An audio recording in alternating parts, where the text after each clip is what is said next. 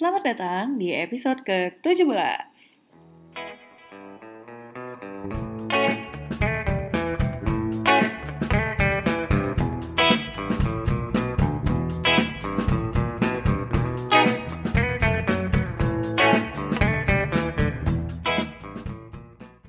Jadi sebenarnya ajakan untuk mengajak ngobrol ini bermula dari pertanyaan saya beberapa minggu lalu ya kayaknya ya di Twitter yang Anda sambut, Anda sambit lebih Ya itu saya baru kembali lagi setelah hiatus. Setelah hiatus ya. Ya, aku nggak tahu Ya. kamu nggak ada terus kok tiba-tiba datang-datang langsung menyambit waktu itu. itu kan emang udah tugas saya, mohon maaf. Oh ya, oke. Udah fungsi ya, fungsi dalam kehidupan saya. Iya. Waktu itu tuh aku nanya apa ya? Aku bukan deh. Oh, waktu itu aku nanya where people supposed to go if their safe uh, environment ya? Ya nggak sih? Kalau Iya. misalnya lingkungan teramannya mereka tidak lagi menyediakan koneksi, ya kan? Koneksi. Iya, ke keterhubungan. gitu. Oh. Connection doesn't provide connection. Bukan koneksi internet ya, mohon maaf. Terus waktu itu Anda menjawabnya Inside. Oh ya, insight. Pendek banget lagi, pendek tapi menyambit itu kan saya langsung kayak ini orang datang datang. Gak tahu itu mah nge-tweet nge-tweet aja. Iya, jadi sebenarnya itu yang mau jadi topik bahasan hari ini karena waktu itu eh nih 13 April. Pokoknya bulan-bulan minggu-minggu itulah ya. Aku tuh lagi ngerasa kalau safe environment tuh kayaknya lagi jauh gitu. Maksudnya lagi distant gitu. Ya bener-bener lagi apa ya? Nggak nggak isolate sih, tapi ya ya, ya gitulah ya kak. Maksudnya kayak sendiri terus bingung gitu. Harus ke mana? Harus ke mana gitu. Terus tapi itu sebenarnya masa-masa di kamu yang menjawab insight itu aku tahu gitu. Mesti ya, emang itu gitu kan jawabannya. Dan waktu itu Itu kan Aku- jawaban standar. itu jawaban Cuma standar Karena dan orang ada yang eksplisit bilang aja ya, makanya ada Betul. tertampar. Betul, dan itu sebenarnya kind of ideal, ya bukan ideal sih, semestinya seperti itu gitu kan. Dan waktu itu aku bisa merespon karena aku udah lewat tahap itu. Coba kalau misalnya kamu ngomong persis di saat aku lagi lagi acak adul itu mungkin aku akan jawab halah gitu. Nggak, nggak mungkin ada jawab gitu. Oh nggak mungkin ya. Apa apa kira-kira jawaban aku emangnya? Nggak, maksudnya kalau di Twitter, kalau misalnya jawab halah mungkin langsung WA gitu. Langsung personal ya ternyata. iya. Apa sih?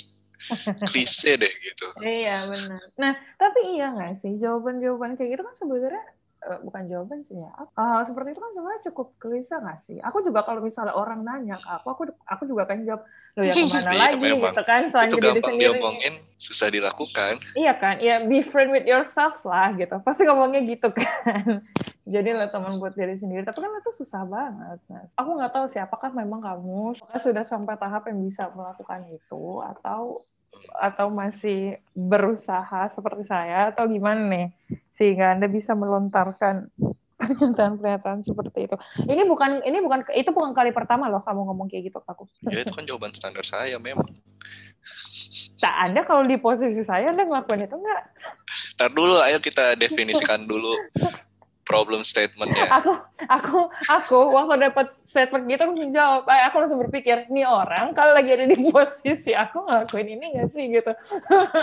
Oh itu problem statementnya. enggak enggak enggak Ya problem kita- enggak enggak enggak problem statementnya adalah apakah memang eh, ketika orang lagi eh, mungkin cukup jauh gitu ya berjarak eh, dari lingkungan amannya eh, atau support sistemnya lah gitu ya Eh, Mari kita definisikan dulu ini support system alias Sup- lingkungan amannya apa? support system atau lingkungan aman tapi kan tiap orang beda-beda kan paling gini kali ya Keluarga, teman gitu. ya orang-orang yang Oh, uh, orang-orang yang menyediakan dukungan baik itu mat- baik itu material ataupun emosional gitu buat kita ketika kita Wah, lagi ada butuhin. materialnya. Iya kan kalau keluarga kasih dukungan material bisa kan. Kalau misalnya teman ngirimin hampers itu kan dukungan material. Jadi teman yang minjemin duit juga bisa ya kan? Teman yang minjemin duit kan juga bisa. Nggak, nggak, nggak ke semua orang dong kita minjem, minjem duit gitu kan. Eh, iya, nah iya, itu oke. support system. Oh, terus pertanyaannya apakah orang kalau support sistemnya sedang jauh, sedang jauh, sulit diakses lah ya gitu. ah, oke, Kira-kira apa yang bisa dia lakukan? dilakukan. Oh, gitu. Itu problem statement yang menurut saya sampai sekarang jawabannya juga masih. Hmm. Iya, itu terlalu susah. Ya, terus gimana dong? Kalau nggak susah saya nggak nanya loh waktu itu di Twitter. Iya sih, bener sih. Kalau persoalannya seperti itu, kenapa ya jauhnya ya? Apakah jarak? Eh, breakdown berarti. Kenapa support sistemnya bisa jauh atau sulit diakses? Pertama jarak. Kan masa-masa sekarang ya sekarang kan susah gitu kan. Kalau misalnya lagi nggak di rumah atau eh, nggak nggak bisa ketemu teman gitu. Misalnya kalau support sistem utamanya teman ya, kan nggak semua orang support sistem utamanya keluarga kan. Jarak. Mungkin perbedaan kesibukan. Jadi kayak ada yang mungkin lagi sibuk kerja, terus kitanya nggak kita aku sih kali ya punya mungkin lebih less busy atau mereka sibuk kerja sebenarnya aku juga sibuk melakukan kegiatan lain gitu ya. Akhirnya gara-gara sama-sama sibuk terus nggak ketemu gitu. Kayak kelas gitu loh. Di saat aku butuh mereka yang nggak bisa. Di saat mereka butuh nggak bisa gitu. Kayaknya itu salah satunya. Apalagi ya? Kayaknya Sebenarnya jawaban insight itu tidak tidak sepenuhnya menjawab pertanyaannya sih. Karena kayaknya support system tuh mau gimana pun perlu nggak bisa cuma diri sendiri doang. Mm-mm. ya lah kan Nah, kita kan makhluk sosial Insight-nya, iya makanya makhluk sosial ya kan. Nah, makanya mungkin maksudnya insight itu bukan menyelesaikan masalah eh, yang diselesaikan oleh support system yaitu adalah mensupport bukan itu. Tapi Mm-mm. kenapa support sistemnya kok jauh ya? Apakah saya ini terlalu sibuk kah selama ini? Apakah saya sudah melakukan usaha untuk mendekatkan diri ke support system? Apakah saya sudah menjadi support system juga buat orang lain gitu Mhm. maksudnya? Hmm. Jadi mau gimana pun nggak bakal bisa digantikan dengan ya udah lu ngomong sama diri lu sendiri aja karena kan Mm-mm. kita kan manusia perlu penuh dengan hal-hal bias. Nah, Mm-mm. nggak bisa tuh pasti butuh pandangan orang lain juga sesekali. Jadi itu kali ya mungkin maksudnya insight tuh merefleksikan kok safe environment-nya bisa unreachable gitu. I see. Jadi sebenarnya lebih ke yaitu refleksi diri kenapa aku tuh sekarang ngerasa apa sih gitu. Terus kenapa aku bisa ngerasain kayak gini? Kenapa aku bisa merasa jauh gitu dari dukungan sistem dukungannya gitu. Kenapa mereka menurut aku menjauh gitu kalau misalnya aku mempersepsikan bahwa mereka yang menjauh gitu ya. Lebih kayak gitu kali ya. Tapi terus ada tapinya. Enggak, gimana Ya dong biar biar lanjut obrolan. Kalau nggak nggak lanjut. Gimana kalau aku nggak tahu ya apakah ini terjadi di masyarakat luas atau tidak. Eh, jadi ada momen di mana misalnya sebenarnya sistem dukungannya tuh ada, maksudnya tetap aksesibel gitu ya, tetap bisa diakses, tetap ada, cuma kayak ngerasa ada yang beda gitu. Aduh gimana ya? Eh, mungkin ini tadi ya yang apakah jangan-jangan akunya atau kitanya yang menjauh atau kitanya yang tidak melibatkan diri gitu ya ke dalam hubungan itu gitu. Nah, kalau misalnya ternyata ada momen-momen seperti itu gitu. Misalnya ini aku tetap chattingan gitu ya sama si support systemnya gitu tetap ngobrol-ngobrol ngobrol-ngobrol tapi merasa tidak nyambung gitu. Nggak nyambungnya bukan karena mereka ngomong A, aku ngomong B, bukan gitu ya. Maksudnya kok aku nggak bisa menghayati gitu. Ini mereka Supportnya sudah tidak terasa seperti dulu lagi.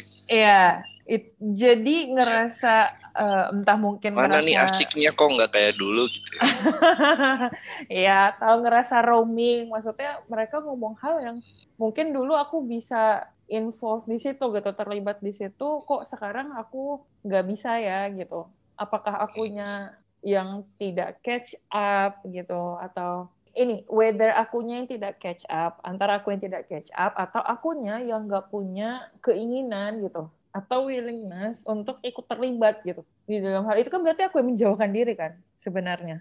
Yang sebenarnya mereka tetap ada gitu tapi akunya yang nggak nggak nggak willing gitu nggak nggak pengen. Nah kalau misalnya kayak gitu dilematis kan. Maksudnya aku butuh gitu tapi kayaknya I'm not fit in this anymore gitu. Nah gitu yang kayak kayak gitu. Kamu terus gimana? cari yang baru atau enggak?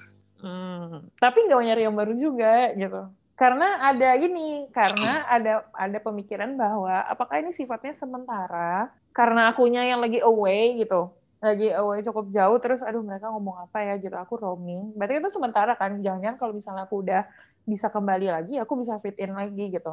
Atau memang ternyata kita udah beda warna aja gitu. Nah itu kan sebenarnya nggak bisa benar berarti jawabannya memang insight. Menjawab pertanyaan-pertanyaan itu kan. Hmm, tapi yang tadi dibicarakan mengenai yang dulunya asik tapi sekarang mungkin udah nggak bisa ngikutin itu hmm. wajar hmm. banget sih itu kayak natural kan uh, malah kalau misalnya obrolannya tuh kayak gitu aja terus lingkungannya hmm. tuh kayak gitu aja berarti mungkin kita nggak berkembang kali ya uh, bukan berarti teman yang sekarang nggak asik itu mereka ketinggalan juga nggak juga tapi kan hmm. orang berkembang dengan arahnya itu nggak cuma satu jalan kan tapi bisa berbagai arah jadi memang wajar sih kayak gitu kan kayak oh sekarang tuh mungkin uh, hal yang jadi uh, perhatian atau dianggap penting sama masing-masing kita itu udah beda nih. Mm-hmm. Ya udah nggak apa-apa. Tapi toh sebenarnya support system tuh nggak harus 100% connect kan, tapi namanya manusia pasti adalah yang sama, masih adalah kesamaannya, masih adalah yang bisa diomongin gitu. Ada kompromi juga dari kitanya sama dari merekanya. Mau nggak kita uh, ngomongin hal-hal yang memang sama-sama jadi perhatian nggak? salah satu doang contohnya itu yang kepikiran kayak gitu sih jadi udah wajar lah kalau misalnya support system itu dinamis memang harusnya kayak gitu dan secara natural pasti orang akan terus bergerak mencari di mana sih support system yang pas untuk saat ini.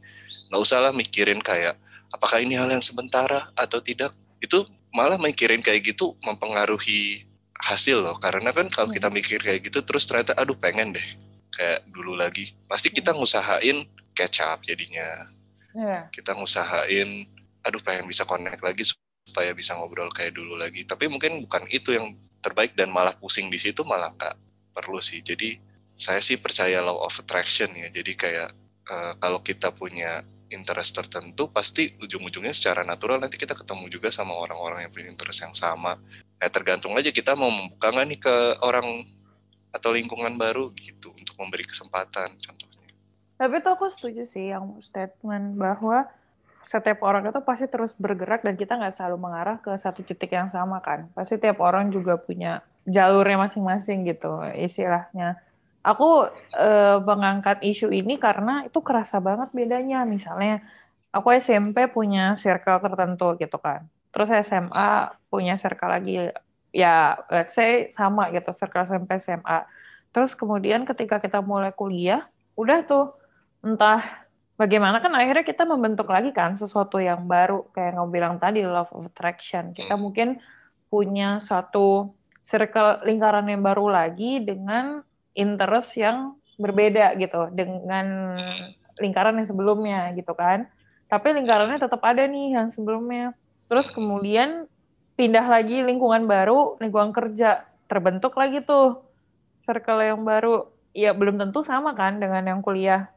Aku tuh dulu sempat wonder, kalau kayak gitu, apakah meaning dari si safe environment ini, karena aku menamai teman itu sebagai safe environment ya, maksudnya lingkungan pertemanan. Apakah lingkaran-lingkaran ini masih tetap punya meaning yang sama buatku atau tidak gitu? Karena aku nggak tahu ya ada aja orang nah ini aku mulai pakai fenomena orang lain ya ada aja ya, orang lain ya orang lain termasuk aku juga ya mungkin merasakan ada circle circle kita yang kita punya gitu yang tetap ada cuman mungkin aktifnya kalau misalnya terkesan aktif gitu ya kalau misalnya ada yang nikah terus ya patungan yuk gitu ngasih hadiah ini yeah. gitu Uh, dan ini aku sebenarnya pernah bahas di podcast sebelumnya gitu. Cuman nggak nggak terlalu dalam. Atau ada yang uh, apa peristiwa tertentu dalam hidupnya gitu ya. Salah satunya yang akhirnya kita bicarakan ini gimana ini gimana gitu. Nah itu kan sebenarnya berarti jadi sifatnya occasional kan. Gak candid lagi. iya, ter enggak enggak yang jadi go to person lagi gitu kan. Nah, yang kita nggak ada apa-apa pun ngomong gitu ya. Betul, betul. Akhirnya hubungan ini tuh hanya didasari oleh aku nggak tahu apakah ini Event. jadi sebuah iya, apakah ini orang di dalam sini ya, tuh tetap ada karena ada bukan kewajiban sih, tapi kayak flow-nya sudah seperti itu. Jadi ya udahlah ikutin flow aja gitu. Toh juga nggak ada bubar-bubaran kan di dalam pertemanan gitu. Atau atau gimana gitu. Nah itu itu juga sih salah satu fenomena yang uh, aku lihat cukup banyak karena teman-temanku juga kadang cerita kayak gitu. Iya ya, ini adalah salah satu apa ya kayak perkembangan hidup yang mm-hmm. Lucu sih menurutku. Karena kenapa? Karena uh, pertama kan aku setuju tuh, pasti ngerasain juga lah kayak gitu. Ini kok sekarang ya elah grup WhatsApp cuman aktif beneran kalau ada yang mau ngumumin sesuatu aja ya gitu. kan? Ada aja pasti. Itu standar banget sih. Uh -huh. kan? Terus yang lucu apa? Yang lucu itu ternyata semua orang tuh mikir hal yang sama kayak yang tadi kamu bilang itu. Kayak kok hubungannya jadi kayak begini ya? Hmm. Kayak cuma uh, kalau lagi ada pengumuman aja gitu. Mm -mm. Dan dan anehnya semua orang nggak melakukan apa-apa untuk mm -mm. untuk mem, apa ya melakukan sesuatu untuk mengubah keadaan hubungan Betul. tersebut gitu nggak ada jadi kayak ya mungkin banyak loh emang orang yang bertanya-tanya kayak emang apakah seharusnya oh bukan bukan bertanya-tanya tapi mungkin sudah menerima kalau memang seperti inilah seharusnya gitu mm-hmm. padahal itu menurutku sih itu belum tentu itu adalah pertanyaan lagi apakah memang mau dibiarkan seperti itu atau ada usaha yang perlu dilakukan nih supaya hubungannya nggak se uh, event base itu gitu. Iya, mm. jadi itu sih lucunya mungkin ada satu tamparan yang mau saya utarakan kalau boleh. Apa tuh? Tadi sudah dibangun nih uh, apa namanya kata-katanya, tapi sekarang hilang. Wah, gimana sih? Lagi. Sebenarnya tanggung jawab ini kok, aduh males deh. Setelah mau di setelah mau diomongin jadi keinget suatu karakter dalam sebuah film mungkin anda ah. tahu juga nanti. Sebenarnya tanggung jawab untuk membahagiakan diri kita itu nggak bisa kita taruh di orang lain atau di safe environment. Ya. Ya, Anda tahu kan maksudnya tadi. ya itulah pokoknya uh, kalau misalnya, aduh udah nggak nyaman nih, uh, udah nggak bahagia lah kalau kalau kita secara langsung katakan udah nggak bahagia nih kayaknya sama lingkaran ini gitu. Mm -hmm. Terus malah ngenyalahin ah itu karena udah nggak nyambung lagi obrolannya udah nggak mereka kok interestnya udah beda itu mm. uh, itu adalah menyalahkan keadaan sih jadi bukan tanggung jawabnya mereka juga untuk ngikutin interestnya kita gitu benar, benar. itu sih jadi poinnya apa poinnya adalah kalau misalnya kita bisa melihat ke dalam yang insight lagi balik lagi yang mau dilakukan adalah meningkatkan kenyamanan kita dengan diri kita sendiri sih.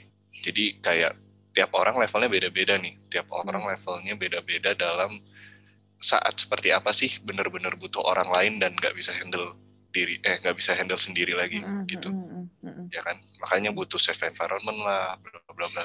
Nah itu masih bisa tuh kita masih dalam kontrol kita lah gimana sih cara kita mengembangkan diri kita sehingga kita tuh bisa nyaman sama diri sendiri Benar. bisa bisa membangun juga dalam diri kita banyak point of view walaupun nggak bakal bisa 100% itu udah pasti lah. Apa namanya pasti kita tetap butuh ya. orang lain tapi levelnya bisa kita tingkatkan gitu. Ya bener sih. Soalnya kalau misalnya kita mengatribusikan gitu ya mengatribusikan ketidaknyamanan atau mungkin kurang fulfilling gitu ya hubungan ini ke orang lain ya berarti sama aja kita menggantungkan Mungkin iya, tadi ya, betul. ya tahap ekstremnya itu udah kebahagiaan dan aku jadi kepikiran adanya safe environment itu kan bukan untuk self satisfaction. Eh, bukan maksudnya tugasnya mereka tuh bukan untuk memuaskan diri kita gitu. Sebenarnya ya balik lagi ke diri sendiri lah. Karena kalau enggak kita jadi super kelingi sih, memang benar. Mereka nggak punya tanggung jawab gitu untuk ngurusin kita. Kita kan punya uh, hidup sendiri.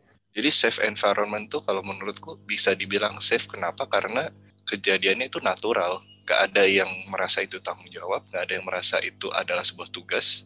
Ya udah, connect aja gitu. Nah makanya wajar banget kalau misalnya secara natural pun uh, merenggang. Jadi polarnya sudah mulai berganti nih. Mungkin akan lebih dekat ke circle yang lain masing-masing. Tapi ya apakah itu sesuatu yang salah? Enggak juga ya. Namanya juga hidup. Benar, benar. hidup adalah sebuah perjalanan ya kan? Es, es, es. asik banget gila bahasan-bahasan kayak gini tuh kadang tuh suka muncul gitu ya. Kalau misalnya lagi ngobrol ngobrol ngalur ngidul sama temen tuh kadang suka end up dengan eh, refleksi-refleksi seperti ini gitu. Apakah eh, ya kita berpikir apakah memang seiring dengan uh, waktu, terus pertambahan usia, perubahan-perubahan dalam hidup gitu ya. Entah itu kita ada di lingkungan baru atau kita bergerak tadi ya. Kan iya benar kalau dibilang hidup pada perjalanan ya benar wong kita gerak terus gitu kan. Uh, seiring pergerakan kita emang harus ada hal-hal yang kita sesuaikan gitu termasuk yang kayak gini. Misalnya uh, di podcast sebelumnya tuh episode sebelumnya tuh aku uh, pernah bahas ada cerita gitu ya dari dari satu temanku semenjak teman dekatnya menikah jadi merasa nggak nyambung gitu kan. Bukan nggak nyambung lagi bahkan untuk mengakses dia aja untuk saling mengakses gitu aja tuh udah udah cukup sulit gitu kan. Tapi apakah itu artinya dalam relasinya yang tadinya safe environment itu mungkin tadi merenggang dan akhirnya tidak lagi menjadi sebuah uh, lingkungan yang menyediakan dukungan itu sepenuhnya lagi atau atau gimana gitu. Itu karena sebenarnya jadi pembahasan juga gitu kan. Tapi ya mirip-mirip lah sama yang tadi uh, kita bahas. Kalau dibilang salah sih nggak salah juga kan. Ya namanya juga hidup. Iya, cuman mungkin yang salah adalah kalau menurutku sih menyalahkan keadaannya sih. Jadi kayak hmm. kalau memang merasa bahwa circle itu layak untuk dipertahankan karena misalnya anggota circle-nya itu semuanya mendapatkan safe environment gitu ya secara natural. Hmm ada yang bisa dilakukan gitu loh. Maksudnya harus diobrolin. Nggak bisa nggak bisa apa ya kayak oh, emang udah begini walaupun nggak mau begini tapi harus menerima. Betul. enggak juga sebenarnya ada yang bisa dilakukan gitu. Betul betul betul. Nah kalau misalnya kayak menikah nih kita nyambung ke sana sedikit. Itu sebenarnya kalau dipikir ya kenapa sih orang menikah? Menurutku tuh salah satu alasannya sebenarnya agak egois. Karena menikah itu memastikan bahwa paling tidak seumur hidup kita punya satu safe environment. kamu ngomong kayak gini aku jadi ingat kamu tuh pernah ngobrolin aku soal ini. Yang mana? Udah banyak yang aku omelin. soal menikah ini, aku tuh waktu itu soalnya pernah state kan, nanti kalau misalnya kamu nikah, terus kamu punya jalur baru gitu ya, yang uh, aku nggak tahu dan aku nggak bisa akses, terus aku mesti ke mana? Persis pertanyaannya. Terus kamu ngomelin oh, aku. ini apa? nah, enggak, terus aku bilang kan, aduh aku kayaknya juga harus cari pasangan deh. Terus kamu ngomelin ke aku, Oh, kamu nyari pasangan bukan itu alasannya harusnya. iya, itu memang alasan egoisnya itu. Terus kamu bilang karena pasangan itu tugasnya bukan untuk kelengkapin kamu, mereka juga harus melengkapi dirinya sendiri. Intinya panjang deh kamu waktu itu ngomelin. Oh iya ya? Iya. Oh, gila bullshit banget. Aduh. Ada. Ngomong sama aku tuh kayaknya bikin capek banget ya. Hmm? Capek lah hmm, karena setelahnya kayak, itu mau bilang iya tapi ditahan tuh kayaknya tadi. Enggak, enggak, aku ambil minum terus kayak mm, gitu untuk enggak untuk enggak keselak. Ya capek karena abisnya langsung refleksi. Mm, ya terus akhirnya berpikir nih orang menerapkan ini juga nggak ya ke dalam dirinya sendiri gitu. Oh coba ngomong doang ya. Iya, apa yang diomongin doang? Enggak lah, aku tahu. Ya, oke. Okay. Gitu. Coba kita jawab sedikit menerapkan itu atau enggak ini emang um, ya susah lah kayak apalagi kan buat yang introvert ya kalau introvert itu kan sangat uh, kalau punya teman atau sahabat itu sangat menghargai mm. relasi tersebut mm -mm, ya kan mm -mm, itu tuh itu tuh susah dapat kalau apalagi buat introvert gitu mm -mm. yang bisa nyaman gitu contoh aja nih, contoh ini paling standar lah. Uh, teman kuliah S1. Mm -mm. Nah, ini kan aku punya grup teman kuliah S1, terus um, grup WhatsApp-nya, eh sorry, grup awalnya tuh grup lain. Dan isinya seperti sudah diduga, cuman ada yang hmm. ngomong kalau ada pengumuman nikahan. Ada occasion gitu. tadi ya, event. Uh, ketemu juga kalau ada nikahan aja gitu doang atau ya nggak ada sih bener-bener cuma itu doang apalagi pandemi gini aduh udah deh itu udah beneran mungkin kalau misalnya di uh, dilihat itu yang nge-mute udah 99% kali nggak tahu mungkin 100 kali pokoknya itu udah ada karena uh, sisa-sisa masa lalu aja itu nah makanya. persis kak nah. aku setuju sama statement itu soalnya pernah ada temanku yang bilang ada nggak sih lingkaran kamu punya juga nggak sih lingkaran yang emang masih ada karena basisnya adalah memori, iya. shared memori. Hampir hampir semua lingkaran yang Tuh, kan? merenggang masih ada hanya sekedar merenggang karena memori kan. Iya, iya, iya. Ya. Terus karena itu. orang tidak mau meninggalkan kalau kita itu pernah dekat loh. Benar, benar, benar. Wah, asli ini sih, benar, benar. nah, itu juga kelihatan kalau misalnya kayak reunian, apa sih hmm. yang diomongin memori. Ya karena Tapi itu apakah itu salah kan enggak juga sebenarnya. Hmm, iya sih. Tadi lanjutin dikit ya. Jadi mm -hmm. Kita semua kan berubah. Makanya sebenarnya aku tuh sempet uh, kalau nanya melakukan juga atau enggak. Ini ini juga eksperimen nih sebenarnya. Jadi dari grup lain yang uh, sepi banget itu, terus aku ngomong sama salah satu teman yang memang masih dekat sampai mm -hmm. sekarang dari satu. Terus bilang ini sayang banget. Kenapa? Karena nih oh, teman-teman kita ini sebenarnya sekarang udah ditempatkan di di masing uh, apa ya kayak tempat-tempat yang berbeda yang kita sebenarnya bisa belajar satu sama lain loh gitu sampai akhirnya nyobain bikin. Jadi kayak ada sesi sejam setiap minggu. Bukan sejam malah 40 menit. Pokoknya itu sesi zoom zoom free. Jadi 40 menit beres nggak beres dipotong sama zoomnya gitu. Mm. nah itu intinya adalah beneran ya udah kita ngobrol aja nggak usah ditentuin ngobrolannya apa. Kita ngobrol aja. Itu sempet jalan beberapa lama gitu beberapa minggu gitu. Hmm. Tapi ya memang secara natural pasti orang akan merasa dua sisi. Ini patut dipertahankan atau enggak atau buang-buang waktu gitu. Iya, yeah, iya. Yeah. Dan ternyata lama-lama ya udah banyak yang kayaknya berpikir bahwa ini wasting time juga gitu hmm. karena emang tujuannya itu hanya ayolah kita uh, ngobrol aja tanpa topik tuh pasti tetap ada yang bisa dipelajarin kok. Tapi hmm. banyak orang yang merasa itu nggak worth it ya udah terus hmm. Merenggang lagi. Tapi ya nggak apa-apa lah maksudnya dari dari sebentar yang kita bikin banyak yang bisa dipelajarin terus ketemu eh bukan ketemu apa nah, jadi tahu juga oh dia sekarang di sini dia sekarang di sini gitu gitu. Nah itu kan berarti sebenarnya hmm, aku menangkapnya akan tetap berjalan kalau misalnya setiap orang mengeluarkan effort atau sacrifice something kan yang paling nggak waktunya dia gitu. Ya ketika mungkin bagi seseorang ini tadi ya apakah ini worth it untuk terus diikutin atau enggak. Kalau misalnya menurut dia gitu ya menurut si individu yang bersangkutan ini tidak terlalu bermakna dan tidak memberi sesuatu gitu kan. Untuk dia ya pasti akan ditinggal aja gitu. Dan menurut aku banyak banget sebenarnya yang kayak gitu sekarang. Makanya aku tuh kadang suka uh, wondering sendiri gitu ya, refleksi. Aduh emang salah banget nih punya diri yang suka banget uh, mind wondering. Uh, oh salah apa? enggak dong? Oh, enggak salah ya. Terima enggak kasih. Cuman lebih berat aja. Iya, benar.